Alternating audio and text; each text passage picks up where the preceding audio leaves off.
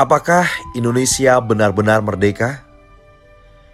Indonesia sudah merdeka, katanya. Negeriku yang penuh perjuangan dengan gigih sudah merdeka, katanya.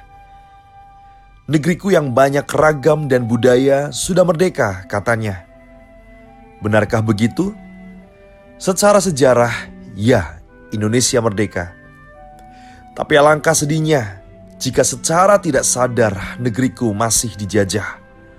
Dirampas rasa toleransinya, diracuni rasa kebersamaannya, dikontaminasikan bineka tunggal ikannya.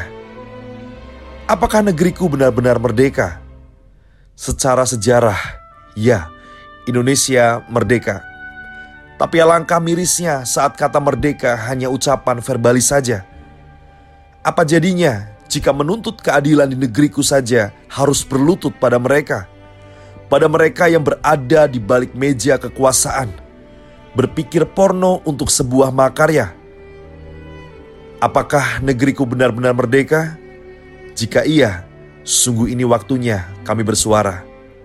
Ya, tanpa takut untuk dijerat, tanpa topeng untuk bertindak.